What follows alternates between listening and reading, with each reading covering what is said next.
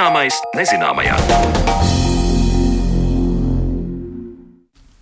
Esiet sveicināti raidījumā Zināmais nezināmajā. Ar jums kopā turpmāko stundu būšu es Sandra Kropa, un šodien mēs pievērsīsimies atkritumu gudrākām izmantošanas iespējām.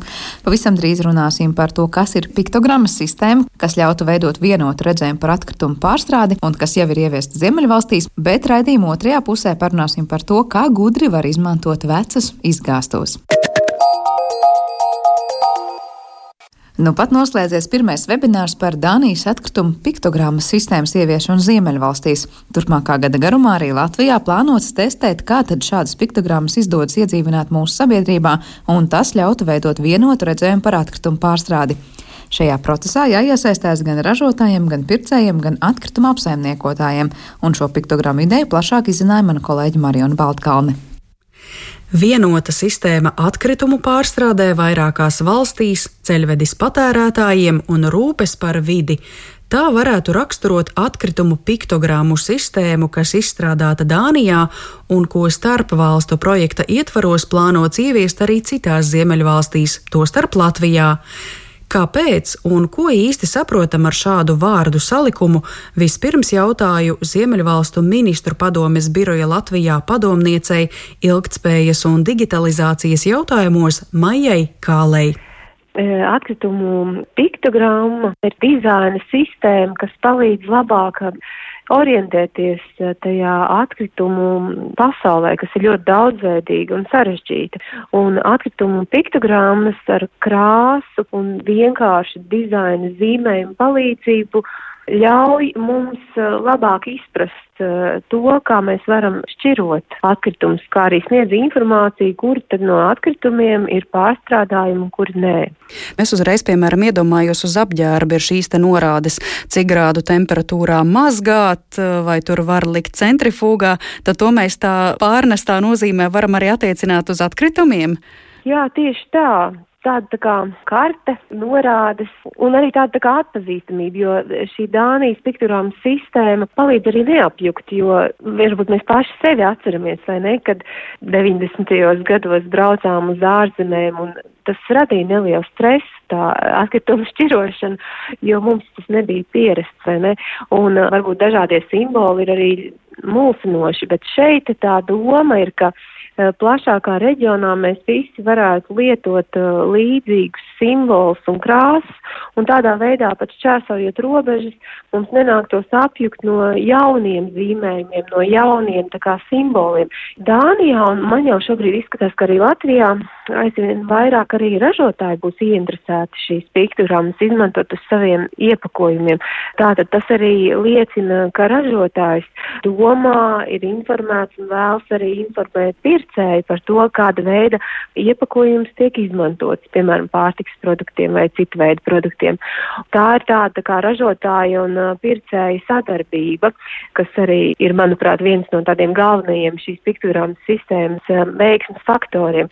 Tad mēs tā varam teikt, ka šīs te atkritumu piktogrammas būtu aktuālas nu teju jebkādiem produktiem, sākot no datortehnikas līdz apģērbam un Jā. pārtikas produktiem tieši tā, nu, Dāņiem ir 93 piktogrammas, bet mums Latvijā mērķis ir saprast, kuras varētu būt visbiežāk pielietojamās un aktuālās, piemēram, 30, un sākt ar tām.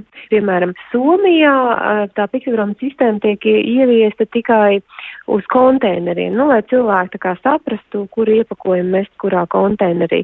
Nu, pārsvarā tas attiec uz iepakojumu, jā, bet uh, pašas preces piktogrammas noteikti arī ir pieejamas. Un faktiski jau vienmēr strādājot pie šādiem projektiem, ir jāatcerās, ka pats svarīgākais ir neradīt tos atkritumus. Jo arī mūsu kapacitāte šeit eh, ļoti atšķiras no ziemeļvalstīm tajā, ko mēs patiesībā varam pārstrādāt, vai ne?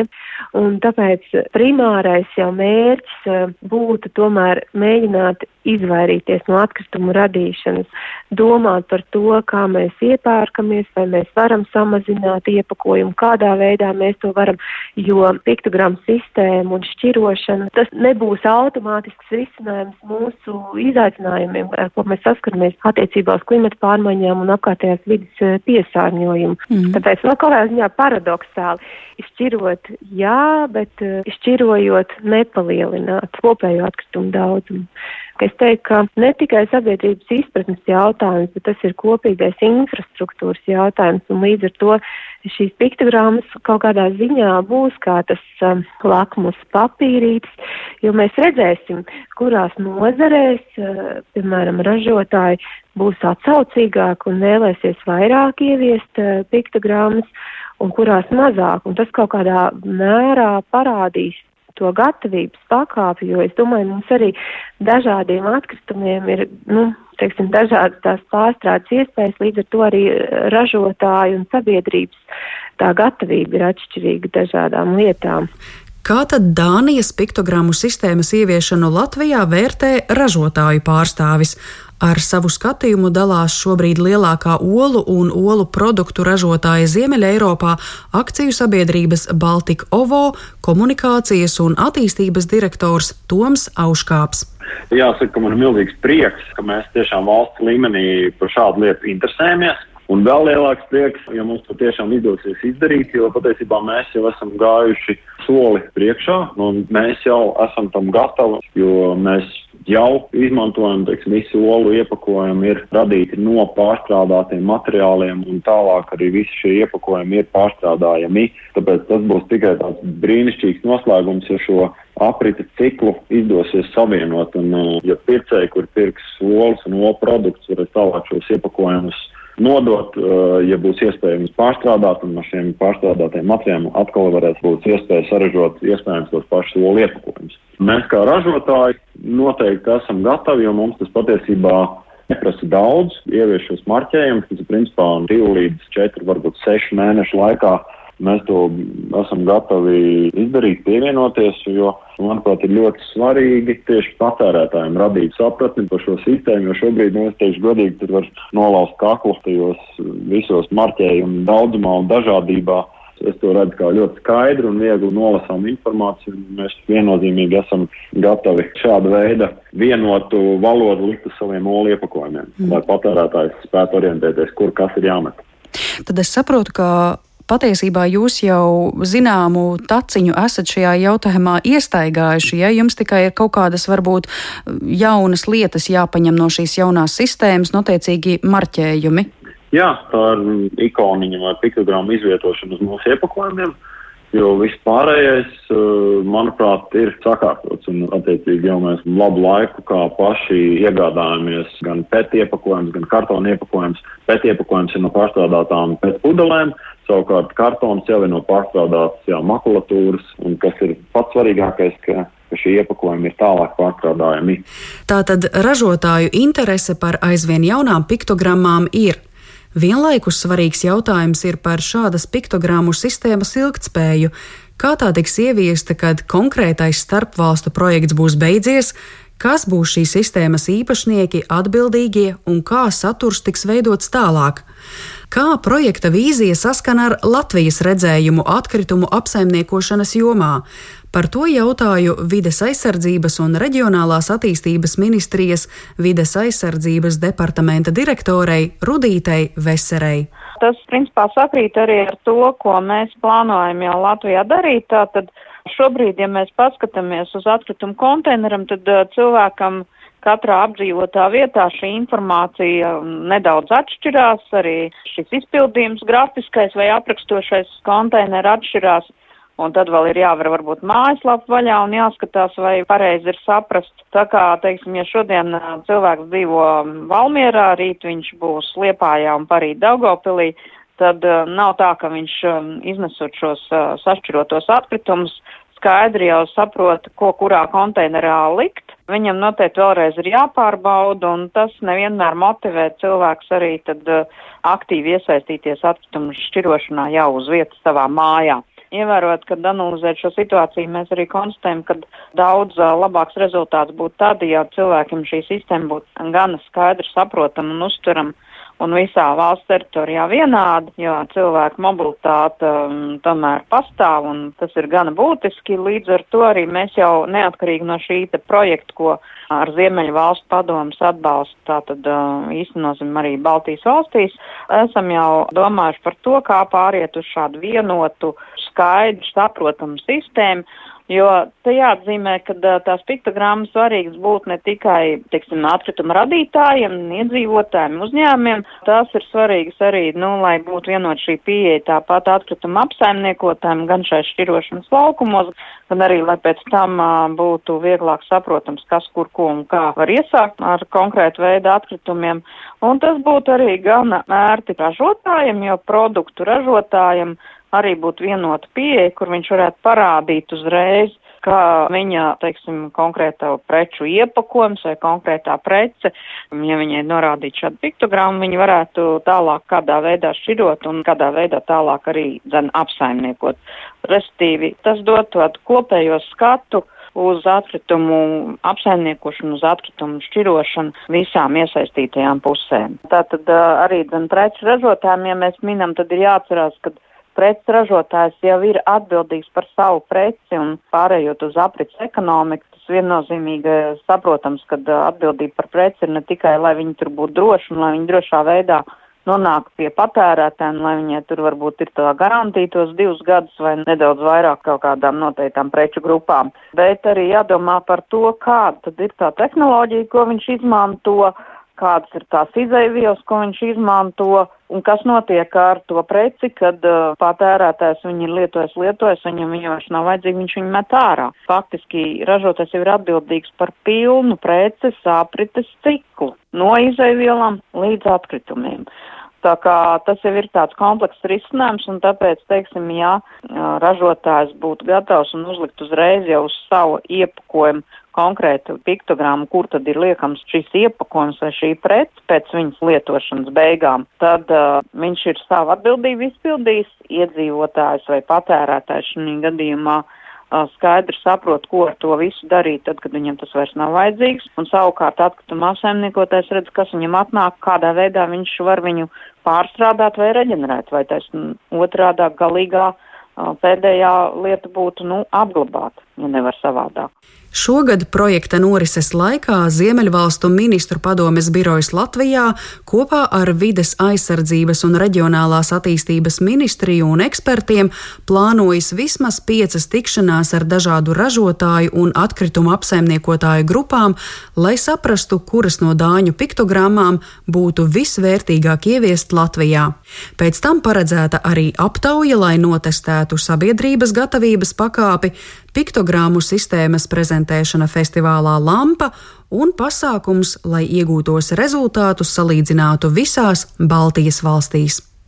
Par to, kas ir atkrituma piktogrammas un kā šī sistēma būtu ieviešama arī Latvijā, stāstīja Ziemeļvalstu ministru padomus biroja Latvijā padomniece ilgspējas un digitalizācijas jautājumos Māja Kāle, vides aizsardzības un reģionālās attīstības ministrijas vides aizsardzības departamenta direktora Rudīta Vesere, kā arī akcijas sabiedrības Baltikovo komunikācijas un attīstības direktors Toms Auškāps. Ar viņiem sazinājās mana kolēģi Mariona Baltkalna. Par atkritumiem arī runāsim raidījuma otrajā daļā, un tad plašāk būs stāsts par atkritumu poligonu gudrāku izmantošanu.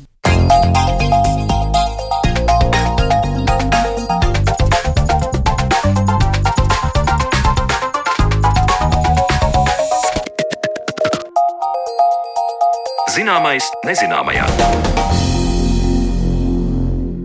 kā atkritumu poligonu veidotās kaudzes apsaimniekot ilgtspējīgāk, radot vietu arī citām pilsētnieku aktivitātēm. Vismaz dažas atbildes ir Latvijas Universitātes Geogrāfijas un Zemeszinātņu fakultātes pētniekam Jurim Burlakovam, kurš nesen iesaistījies transformācijas procesā, tepatām netālu esošajās atkritumu poligānos Cāremā salā. Lai runātu gan par šo metodi, gan citām alternatīvām, kā pasaulē vecas izgāstos, nu, tiek apsaimniekotas citādāk, mazinot draudus arī videi, mēs Juri esam aicinājuši uzaicinājuši mūsu attālinātajā studijā. Sveiks, Juri! Sveicināti! Varbūt vispirms par to, ko īsti tu dari un esi darījis sāremā, bet cik aktuāli šobrīd ir tā problēma vai, panā, vai vispār parādība pasaulē, un citās valstīs, tad ārpus Latvijas, domāt par to, ko darīt ar nu jau pavisam, pavisam, pavisam vecām izgāstuvēm? Jā, nu šis jautājums ir uh, praktiski neatbildams, bet es viņu sadalīšu pa daļām šo atbildi. Ja? Tad runājot par atkritumiem, ir jāsaprot to, ka visu galvenie un uh, visu lielākie daudzumi atkritumi ir kalnrūpniecības atkritumi, kas Latvijā ir maz aktuāli. Par tiem mēs šodien nerunāsim vispār. Nu, tie ir 95 un vairāk procenti pasaulē. Tad nākamā daļa ir celtniecības un construction and demolition, tā kā celtniecības un nojaukšanas. Parasti tas ir noregulēts arī Latvijā. Jūs esat redzējuši poligonus, kur būvgrūžus sadala, sašķiro, pārvērš produktos. Tā jau ir nu, atsevišķa inženierija un parasti komerc uzņēmumi par to rūpējās. Tas ir, tas ir galvenokārt visās pasaules valstīs. Tur tikai, protams, Jautājums ir par to, cik ilgspējīgi vai kaut kāds piesārņojums ir kaut kur kaut aiztek projām tropiskajās valstīs. Nu, tas, par to mēs arī šodien tā kā mazāk runāsim vai nerunāsim nemaz gandrīz. Vai. Nu, un tā pati mazākā daļa, jā, bet eh, pati populārākā daļa ir sadzīves atkritumi. Un sadzīves atkritumi, protams, ka tā ir pieauguša problēma, ņemot vērā to, ka pasaules iedzīvotāju skaits pieaug lai vai kā censtos vīrusus, vai vienalga kāds cits politiski to ierobežot, tad, nu, jebkurā gadījumā tas pieaugs vēl vismaz kādu laiku, lai arī varbūt tās, tas būs ciklisks process, to mēs nezinām, bet mums jādzīvo ar esošajiem faktiem. Ja? Zinātne arī operē ar esošiem faktiem, nevis praktizē kristāla bumbas paredzējumus. Ko tas nozīmē? Tas nozīmē to, ka komfortā visi gribēs dzīvot, atkritumu paliks aizvien vairāk, un tāpēc ir nepieciešamas tādas nu, tāda jēdzienu ieviešana praktiskajā dzīvē, ne tikai zinātnē vai futūristikā, eh, aprites ekonomika, bezatkritumu tehnoloģijas.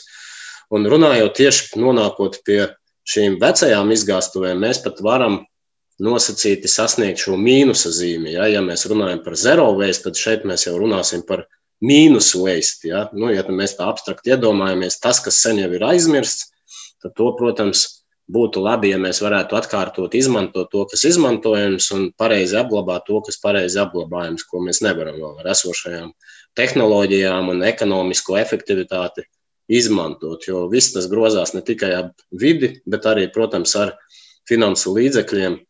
Un tad ir dažādas metodes, kā ekonomikā to rēķināt, un aizvien vairāk mēs rēķināsim to vides izpratnē. Vai tas būtu ar nodokļu starpniecību, vai kādā citā veidā, vai vides kaitējuma aprēķins. Nu, tas jau atkal ir atsevišķu lekciju eh, stāstījumu objekts. E, tad es pareizi saprotu, mēs šobrīd runājam par tām vecajām izgāstuvēm, kas šobrīd jau iespējams tur ir apaugušas ar visu kaut ko, un mēs domājam, kā no tiem vecajiem kalniem dabūt ārā kaut ko vēl vērtīgu un neatstāt to apkārtējā vidē tādu, kāds tas ir šobrīd. Vai tu runā par to, kā nepieļaut tādu jaunu kaudžu veidošanos vienkārši? Šis jautājums arī ir e, sadalāms vairākās daļās. Protams, mēs varam runāt par atkritumu saimniecības nu, tādu tā kā patēriņa, ja, to piramīdu, kāds, kas varbūt ir iedziļinājies mazliet vairāk, tad pirmais ir samazināt, ja, tā kā mēs nepērkam mobilo telefonu, nu, tas tāds rupšs piemērs, ja katru mēnesi jaunu modeli, man ir bijuši paziņas, kas to kādreiz darīja, cerams, ka viņi to vairs nedara. Otrs ir atkārtot izmantot. Es esmu ļoti labs piemērs, kas atkārtot izmanto lietas, respektīvi es tās remontēju, pat ja tas izmaksā dārgāk, nu, tas var būt tādu Zviedrijas turīgo cilvēku piemērs. Ja, tur arī ir samazināti nodokļi priekš tā. Nākamā pakāpe būs atkritumu pārstrāde. Ja, lūdzams, nejaukt, atkārtot izmantošanu un pārstrāde. Tas ir divas dažādas lietas. Pārstrādē pēc iespējas efektīvāk, ja tas atmaksājās ar esošo tehnoloģiju un nerada lielākus draudus vidē, ja, šis arī ir svarīgs aspekts, tad mēs to pārstrādājam. Nu, piemēram, ja mēs atšķirojam no vecajām eh, izgāstuvēm plasmasu, vai jaunajos atkritumos eh, arī atšķiro plasmasu, kas ir daudz vienkāršāk, ja, jo tā nav slapja, netīra un kāda tur vēl. Eh, tad tāpatās kā tajā sāremā piemērā, mēs iegūstam noteiktu megawatu daudzumu enerģijas. Un tad, protams, ir atkal vietā jautājums, cik lielā mērā vai nu to subsidē, vai nu cik liels ir nodoklis, vai nodokļu atvieglojumi, vai to uzskata par produktu vai par atkritumu. Un tur jau ir tāds Ehm, nedaudz tāds floorbols ar, ar to visu. Tā kā nauda ir šajā gadījumā nedaudz tāds abstrakts jēdziens. Principā tas ir likumdevēja sadarbības ar zinātnieku jautājumus un piesaistot nevalstiskās organizācijas un uzņēmējus. Šie jautājumi ir diezgan sarežģīti risināmi. Un, uh, valstu sadrumstalotība katrā valstī kaut kas atšķirās, protams, arī. Uh, Bet, tas ir svarīgi. Šajā gadījumā stāsta par to, ka vienkārši to veco plasmas paņem un vienkārši sakot, sadedzina, kas arī ir jautājums atsevišķi par to vidēji vairāk iegūmus vai zaudējums no tā. Bet es saprotu, ka tas, kas arī notika sāremā, tad ir konkrēti vecajās izgāstuvēs tie nu jau vairs nekur nelietojamie atkritumi, ja tā to var teikt, tika izmantot jaunu materiālu radīšanai. Vai tu vari pastāstīt vairāk par to, ko jūs tur darījāt? Jā, nu tā nekam nederīgā plasmasa, kas bija nekas, tā testa veidā tika aizvest uz Tallinas dedzināšanas iekārtu, viņiem ir atkrituma dedzināšana. Tā būs tajā piramīdā tā nākamā daļa, kas Eiropas Savienībā un droši vien arī citur pasaulē drīz nebūs vēlama, nu, ar izņēmuma gadījumiem. Un šī gadījumā tā plasmasa, kas bija izmazgāta un izžāvēta, skan stulbi, jā, vecas atkritumus mazgāt un žāvēt, bet nu, mēs kādreiz arī maisiņus mazgājām, un nekas slikts tur nebija. Uh, šie atkritumi tika plasmasas atkritumi tika pārstrādāti produktā granulās. Nu, tad jau tur jātur mazliet komerces noslēpums, kuras arī nezinu. Jā, tur uh, tika izveidots no tām granulām plasmasas sienas, kas ir zirgu staļļiem. Šis bizness varbūt liekas tāds ļoti specifisks, bet ņemot vērā, ka Eiropā ir 80 miljoni zirgu, šis tirgus ir pietiekami liels. Tas ir kā iedzīvotājs skaits Vācijā apmēram. Tā kā iespējas ir. Un arī šī rekultivētajā izgāstuvē tika izveidotas kāpnītes, margas. Viņi gribēja arī torni taisīt, bet ņemot vērā to, ka būvniecības normatīvi īsti neļauj šādas būvas būvēt, tad šo torni ideju mm, atmet. Bet labi, tas ir vienkārši aizstāt ar, tagad ar plastmasu, kas ir iegūta no veciem atkritumiem izstrādājumus, lietas, kas citkārt būtu laikam no koka, ja tad, eh, vai no kā tās starpsienas, vai kas tur veidots? Tagad mainstreams ir arī to, ka daudzās valstīs ir iekļauts, ka koks ir obligātā komponente būvniecībā, jā, aizvien vairāk, un tas tiek skaitīts kā bioekonomikas ilgspējīgs produkts. Jā, es, es neesmu eksperts tieši meža saimniecībā un, un, un būvniecībā no koka. Protams, tas skaitās ekoloģiski, labi veselībai un tā tālāk. Uh, bet uh, dažādas palīglietas, kā staļu, tā, staļu tās sieniņas un tam līdzīgas produktus bez šaubām no plasmasas mēs varam ražot. Un uh, ņemot vērā to, ka uh, vispār zināmi produkti no plasmasas, no naftas produktiem, šī gadījumā jau plasmasa ir naftas produkts, ir apmēram 6000 dažādu produktu, un plasmasas ir vismaz 200 tādas populārākās. Un ja mēs spējam kaut kādu jau noglabātu plasmasu jau pārvērst produktā, tad, protams, tas ir uh, efektīvi. Tas ir tāds bonus, ņemot vērā to, ka mēs vēl varam izņemt metālu. Un vissvarīgākais aspekts, protams, ir vieta, par ko mēs, cik saprotu, vēl nonāksim līdz tam. Jā, līdz kamēr mēs tā nonākam, bet šobrīd mēs nevaram teikt, ka kamēr no tās plasmasas iegūst jaunu plasmasu, tas pats process ir pietiekoši, tur nezinu, netīrs vai vidēji piesārņojošs, vai par to nav pamat bažām. Mēs runājam par piesārņotu vietu, jau, kas jau ir piesārņota un kurai ir rekultivējama. Un Sārimā salā bija viena no izgāstuvēm, tādām, kas tur bija galvenā. Ja, nu, ja neskaita tur mežā kaut kādas tādas maziņas, kas padomju laikā arī bija daudz, kur nu, ne tikai padomju, bet arī citur pasaulē. Bet šī bija tāda galvenā izgāstuve, kur veda visus atkritumus, gan sadzīves, gan arī zvejas atkritumus, gan arī vietējo mazo rūpnīciņu, ērmu atkritumus. Uh, Un tad tur bija, tur, es aizmirsu to ciparu, 280 tūkstoši kubikmetru vai kaut kas tāds. Nu, tas nav, nav ļoti daudz, bet uh, ņemot vērā to, ka tā ir sala, gruntsūdens piesārņojums, tas ir 30 cm augsnes un plaisas kaļķakmenī, tas tāpat tās ir jārekultivē, gan pēc Eiropas Savienības noteikumiem, gan pēc veselā saprāta. Un tad arī tika nolemts, protams, izmantot mazliet tādu savādāku pieeju, jo parastās pieejas tur nebija iespējams arī zem, attīrīt to vietu. Mm -hmm. Varbūt tā bija tāda vietas, vietas otrā, otrā pieeja. Jā, jums jebkurā gadījumā tas ir jādara, labāk to izdarīt ar bonusiem, nevis bez. Pirms mēs runājam, Jā, pirms mēs runājam par pašas tās vietas pārvēršanu, to, kāda ir piemēra vēl citvieta pasaulē, tam meklējam no tā materiāla, ko ieguvāt. Nu, labi, viena lieta ir runāt par plastmasu, tur zirgu staļos vai kur citur. Es saprotu, ka ir bijis arī cits materiāls, kas tiek izmantots tagad, lai pārsaktu tos noglabājumos atkritumus, kas patiešām būs jāatstāj kā noglabājuma atkritumi un kur šobrīd tiek izmantots māls, ja es saprotu šādam mērķim. Jā, tā, piemēram, Latvijā šādu izgāstuvi, vecu izgāstuvi, kas obligāti ir slēdzamas pārklāšanai pēc dažādiem likumdošanas aktiem, kas atrasināti no Eiropas noteikumiem, tiek izmantots māls, jo mums šī labuma ir diezgan daudz.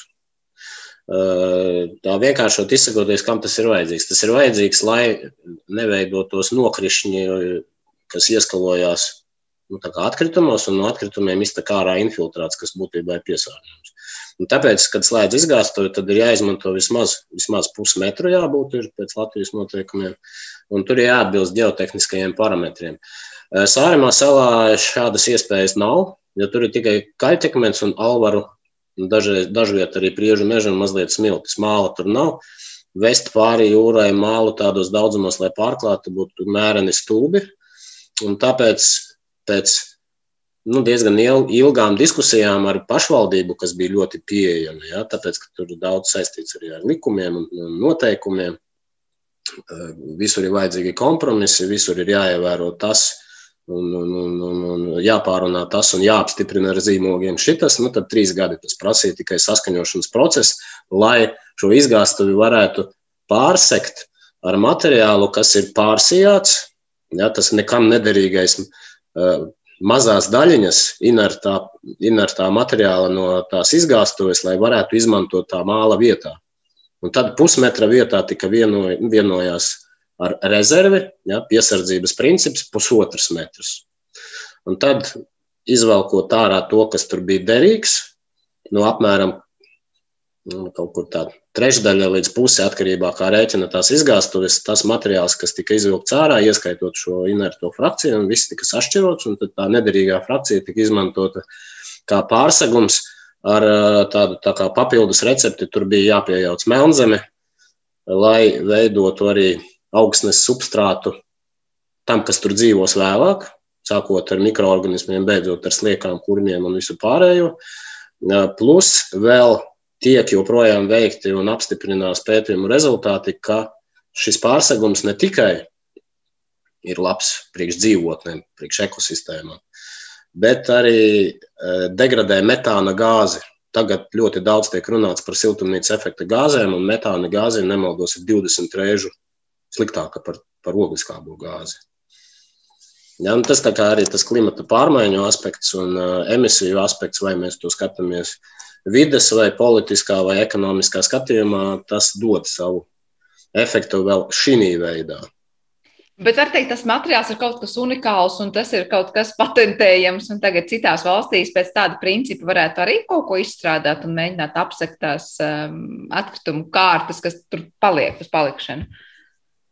Jā, nu tajā, tajā laikā, kad tas tika organizēts, tas nebija ļoti populāri. Tagad ļoti daudz pētījumu notiek šī virzienā. Uh, Un eh, šeit, protams, ir jāņem vērā arī geogrāfiskais izvietojums, kur tas ir. Ja, tad ir jāveic papildus pētījumi, vai tas būtu piemēram Kenijā vai Spānijā. Tad tur būs vienā būs slapjš un karsts, otrā būs sauss un karsts un tā tālāk. Ir jāskatās tie nokrišņu daudzumi un jāskatās, kas tieši ir. Kāda tieši būtu tā pareizā recepte pareizajā vietā, jo tur nav viennozīmīgas atbildes, jo mūžīgā sasiluma teritorijās diez vai mēs varēsim to pašu pielietot, ko mēs varēsim šeit. Uh, jā, zinām, unikalitāte tajā visā ir.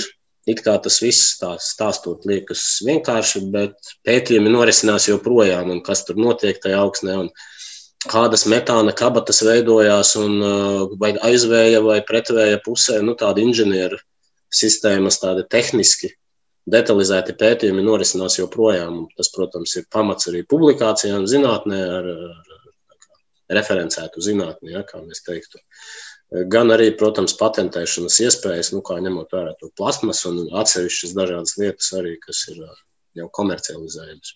Bet kā Latvijā, Latvijas gadījumā runājot par vecajām mūsu izgāstuvēm, tas būtu labākais variants, lai aizstātu to mālu, vai mums būtu joprojām ērtāk un vidē draudzīgāk likt tomēr to mālu, kas mums ir daudz?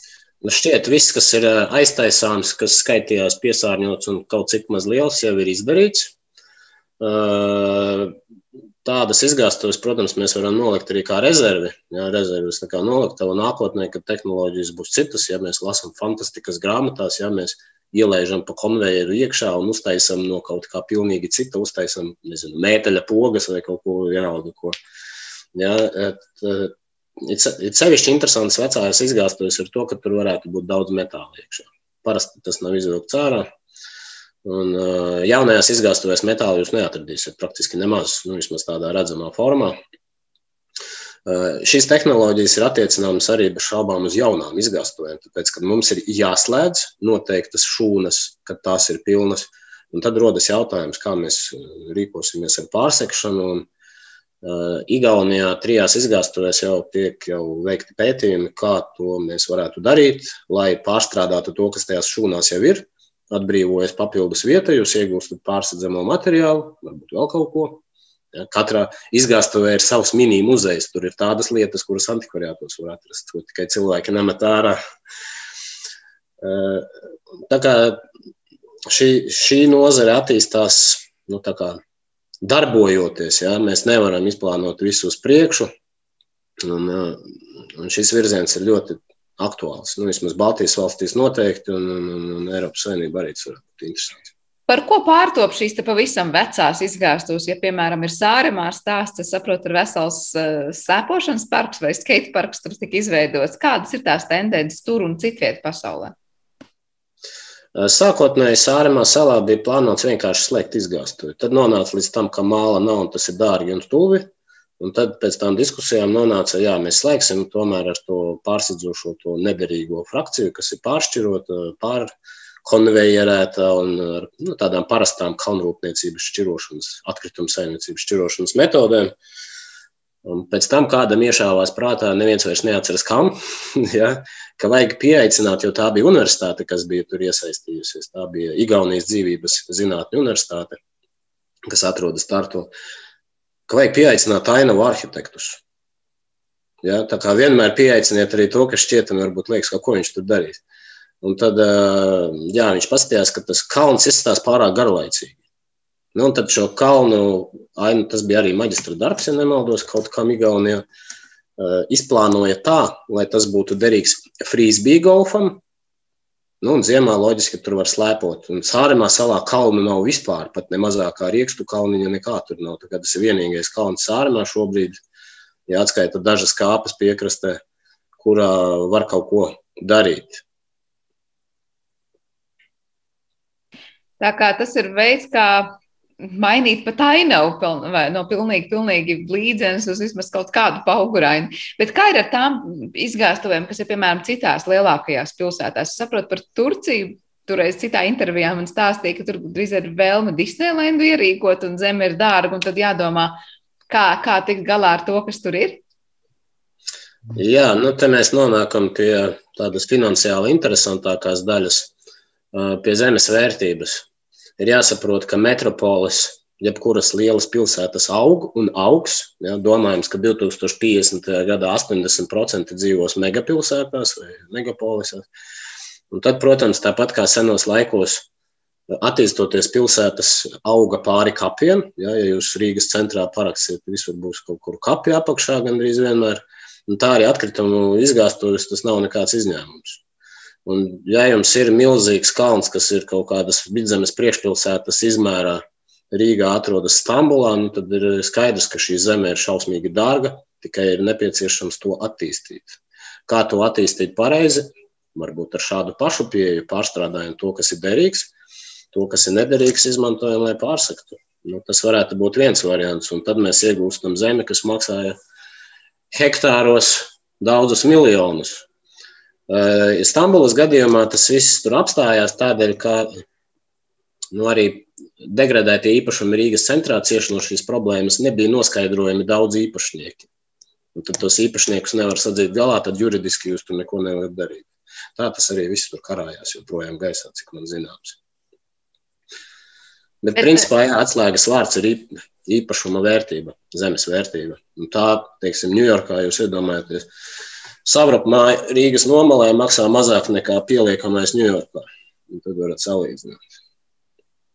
Tā kā tendence tā noteikti ir, kas pasaulē tuvākajā laikā būs arvien vairāk jūtama, ja ka šīs vecās izgāstos un degradētās teritorijas nu, būs par tādiem kārtīgiem gabaliņiem, kurus mēģinās, um, pie kuriem mēģinās tikt neviens viens. Jā, nu, mums tālu nav jāmeklē. Rīgā ir Ušakova kepka un kleistu izgāstu. Tur vairāk ir jārunā par, par to, cik ilgā laikā pēc tam mēs tās drīkstam izmantot. Uz nu, Sāremā salā uztaisīt tā, ka uzreiz jau drīkst izmantot rekreācijai. Rīgas gadījumā tur tika pielietotas mazliet citas pieejas, nebūtu nu, nesliktas, jā, bet tur ir noteikts arī likumdošanas 30 gadu periods, ka mēs tur neko nevaram darīt. Tur jāveic monitorings, un pēc tam jau redzēs, kā tur būs ar to piesārņojumu, un ko mēs tur īsti veidosim, vai mēs to varam atvērt aitām, cilvēkiem, suņiem, bērniem un visiem pārējiem. Bet kā nozīmē, tad, kad to atver, nu, piemēram, tas jau ir 30 gadus apaudzis ar zāli un vēl krūmiem un visu kaut ko, to visu pēc tam ņem nost, lai, lai, lai pārraktu vienkāršiem vārdiem, izsakoties to veco izgāstu un meklētu, kas tajā derīgs, nedrīkst, vai kā tas notiek šajos gadījumos? Es domāju, ka uh, vecās izgāstuves, kas jau ir rekultivētas par Eiropas līdzekļiem, kā Rīgas gadījumā, diez vai kāds kādreiz aiztiks to kā pārskatāmā nākotnē. Varbūt tās mēs varam uzskatīt tās par rezervi. Tur jāveic monitorings, ja tas nav vairs draudz cilvēkam, tad tur var izveidot, piemēram, parkus kaut kādus vai, kaut kādas pagaida būves, tur, nezinu, šautuves, karuseļus vai vienalga, kas tas arī nebūtu, skatu tornīti. Uh, Protams, tur ir jāņem vērā tas, ka tās izgāstuves vēl joprojām izgaro siltumu, ja, tur notiek bioloģiskie sadalīšanās procesi, lai arī tās tikai jau, nu, kā deglava un kleistu izgāstuves jau sen netiek izmantotas. Tur tie organiskie procesi jau ir mazākumā, bet tomēr notiek sāremā gadījumā tajā izgāstuves kodolā. Tajā, tā, tāpat nav liela kaudze, joprojām tur ir 70 grādi centrā un, un, un, un, un, un tāpat tas tās gāzes tur izdalās, un tāpēc tas pārstāvjušais materiāls nu, ļoti labi noķer arī tās metāna gāzes, kas ir tas neredzamais efekts, bet uh, nemazāk svarīgs, kas ir priekš papīriem kaut vai, ja mēs ticam vai neticam klimata pārmaiņām, tas pat nav svarīgi šī gadījumā. Bet kā notiek, cik ilgā laikā tiešām tā aktivitāte tajās vecajās izgāstuvēs ir izmērāma? Nu, piemēram, ja mēs skatāmies eh, pieminēto kleistu un deglavu izgāstuvu Rīgā, labi, tur nenotiek vairs tik ļoti intensīvi šie bioloģiskie procesi, bet kaut kas, tikko minēja, notiek. Eh, tur arī ir izteikts siltums šīs pašas kaudzes centrā, vai, vai kā to var izmērīt, kā, kā to var zināt? Man mazliet sanāca piedalīties pie izpētes, pirms tās tika rekultivētas. Nu, tur, jā, tur jau ir diezgan daudz tā atliku piesārņojuma, kas tur ir atsevišķās vietās. Jā, un, un, tur viss tika darīts, lai šis piesārņojums nenonāktu pēc rekultivācijas apkārtējā vidē, iespēju robežās. Tā kā tur ir ne tikai siltums un rakt, rakt tur ir jāņem vērā, ka tur var būt bīstami atkritumi un varbūt labāk neaiztikt, lai viņi tur ir tur, kur viņi ir Ja, nu, šajā gadījumā tie naftas produkti degradēsies nu, ilgākā termiņā, viņi iznīcināsies, paši iznīcināsies. Kurā gadījumā? Ja runa par smagajiem metāliem, tad bieži ir svarīgi, lai būtu konkrētā nu, vidas apstākļi, ja, lai tie metāli tur arī paliek, nevis izplatās vidē. Jo metāli ir nemirstīgi. Smagais metāls nemirst, ja ir tāds teiciens, varbūt. Un šis piesārņojums ir, nu, nav jēgas viņu īsti tā kā pārvest no vienas vietas otrā. Ja mēs vedīsim uz kaut kādu bīstamu atkritumu poligonu pāri pus Latvijai, tad eh, veselu kalnu tam, nu, tam noteikti būs lielāks negatīvais efekts nekā eh, iegūms. Tāpēc būtiski ir izvērtēt visus scenārijus, jebkurā individuālajā gadījumā. Eh, šorīt, piemēram, es strādāju pie Singapūras izgāstuves plānošanas izvērtējuma. Ja? Tas, nu, tā, tas ir projekts, kas ir lielāks par Latvijas budžetu vairākas reizes. Un, un, un, un bija interesanti kā, vērtēt un skatīties. Nu, katrā vietā ir cita likumdošana, nedaudz tur bīstamos atkritumus, kas ir pelni, neuzskata par bīstamiem atkritumiem. Singapūras gadījumā tas tiek noglabāts jūrā un veidotas sala. Nu, tā nav vienīgā vieta pasaulē. Ir arī, teiksim, ja aizbraucat uz Ņujorku, ir Staten Island, jā, vesels rajons, kas ir būtībā daļa no tās salas, ir vecā izgāstuve. Katrā gadījumā ir jāizvērtē, vai, vai ir ilgspējīgi konkrēto vietu pārstrādāt, vai ilgspējīgi atgūt to vietu un tos, to atkritumu daudzumu vienkārši samazināt. Bet, piemēram, Jā, tu piesauc tos Singapūras gadījumu ar to noglabāšanu jūrā. Labi, jautājums, ko noglabā mūsdienās jūrā par to, ko noglabā varbūt 20. gadsimta 50. gados jūrā nav salīdzināms. Tomēr kā vērtējam no vidas viedokļa tāda pieeja, ka kaut kādu atkritumu daļu vienkārši noglabā kaut kur un veido salas vai kaut ko tādu. Nu, tur ir tā, ka Singapūra iet uz augšu, viņa dzīvo tur kaut kādā, es pat nezinu, cik tur 15 droši vien kādi miljoni iedzīvotāji, kas atrodas ļoti nelielā teritorijā, kā Lielrīga apmēram, un uh, vietas tur izgāstuvēm, protams, nav. Tur visu dedzina, gandrīz bez izņēmuma, nededzina tikai to, kas nedeg, ja tie būtu lielgabarīti atkritumi, un tur tā pieeja ir tāda, ka norobežo pie sauszemes norobežo milzīgu lagūnas daļu, ja, tā kā ar, ar tādām tā kā sienām. Tā kā jūs varat iedomāties, nu, piemēram, Daugavas aizsprūstu, vienalga, kuru, ja jūs braucat ar mašīnu. Tikai daudz lielākas struktūras, kas norobežo, nekas tālāk tur jūrā neaiziet. Un uh, tad uh, atkritumu dedzināšanas pelni gan to, kas krāsnī jums sakrīt lejā, gan to, kas aiziet un tiek attīrīts pie dūmeņa augšas, kas ir bīstamie atkritumi pēc mūsu mērauklas. Uh, tās viss tiek noglabāts tajās, tā kā nosauksim to par tādu lielu šūnu vai šūnu, šūnu daļas. Un kopā ar tiem atkritumiem, kas nedeg, tad to visu presē un, liek starpslāņus tā, lai tas viss tur neizplatās un tiek veidot, principā, jauna sauszeme. Mēs varam izveidot jaunu industriālu teritoriju. Šād, šādas pieejas nav. Piesārņotās vietās ir arī citur mazliet savādākā kontekstā, bet, bet nevis par izgāstumiem runājam, bet Visur kaut kas nedaudz atšķirās šīs pieejas. Bet šāds... Es domāju, ka Singapūras gadījumā nekas nemainīsies. Viņi dedzinās vēl ļoti ilgi, tāpēc ka to visu nav kur likt. Tā ir aglomerācija, kur, kur zeme maksā ļoti dārgi, un neviens tur nedzīvos pēc Eiropas Savienības likumdošanas un tā tālāk. Bet no vidas viedokļa šāda jauna sauszemes iegūšana tādā veidā nu, tiek vērtēta, es pieņemu, ka ne tikai labvēlīgi. Bet nav jau īsti variantu, ko ar to darīt. Tur galvenais ir izolēt, un, un tas viss tur ir paredzēts izolēt tā, lai nekas nenotiek. Jo, ja mēs piemēram, runājam par kodola atkritumiem, tie jau ir kaut kur jānoglabā uz miljonus gadiem. Tas ir bez pārspīlējuma. Visas kodola atkrituma izgāstus plāno miljonus gadiem, izvērtējot civilizācijas iznīkšanas risku, pasaules karus, ledus laikmetus un zemestrīces, kur, tur, kur viņu vēl nav pat.